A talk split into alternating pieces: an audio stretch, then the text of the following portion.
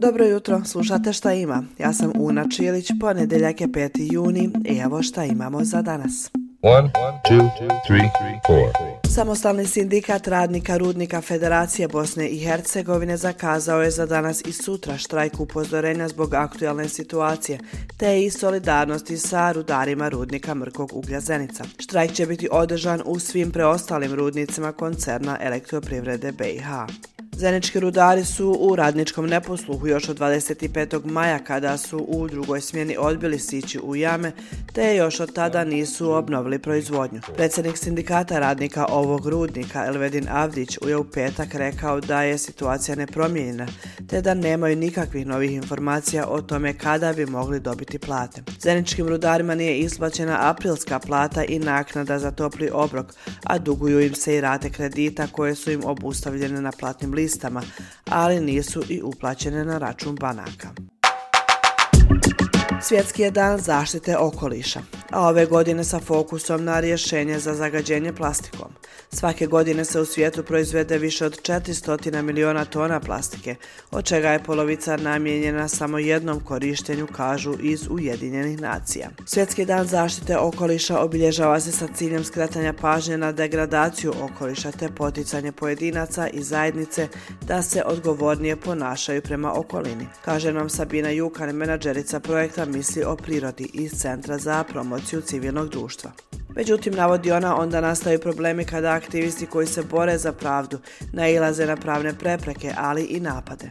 Baš zbog toga je u okviru projekta CPCD, misli o prirodi, pokrenuta inicijativa za donošenje zakona o zaštiti građana i građanki. Jer je nužno harmonizirati e, pravila o načinu pripreme građanske inicijative, načinu prikupljanja potpisa. Naše pravnice iz Eko Huba Sarajevo uz podršku ekspertnog tima, ali i drugih pet hubova iz Blagaja, Maglaja, Mrkonć, Grade, Zenice i Tuzle su kreirali nacrt zakona koji je predstavljen na okruglom stolu 8. maja. I u kojoj fazi se sada to nalazi? A danas na Svjetski dan zaštite okoliša e, Centar za promociju civilnog društva zajedno sa partnerskim ekohubovima u prelijepoj prirodi na izvorima rijeke Sane će razvijeti dalje korak e, u kampanji za donošenje ovog veoma važnog zakona. Još samo par stvari ukratko. Danas se u Sarajevu organizuje debata Pravo na pravdu, koju organizuje Evropska unija u Bosni i Hercegovini u saradnji sa Generalnim direktoratom Evropske komisije za susjedstvo i pregovore o proširenju. A ako vas zanima kakvu to turističku ponudu ima Crna Gora, zaputite se u Sarajevo i u Štrosmajerovu ulicu, gdje će od 12 pa do pola 2 biti promocija ljetne turističke ponude ove zemlje. A ako ne stignete na promociju, narednog ponedeljka u našem ZIP podcastu moćete da slušate sve o turističkoj ponudi Crne Gore i to uz preporuke crnogoraca sa terena.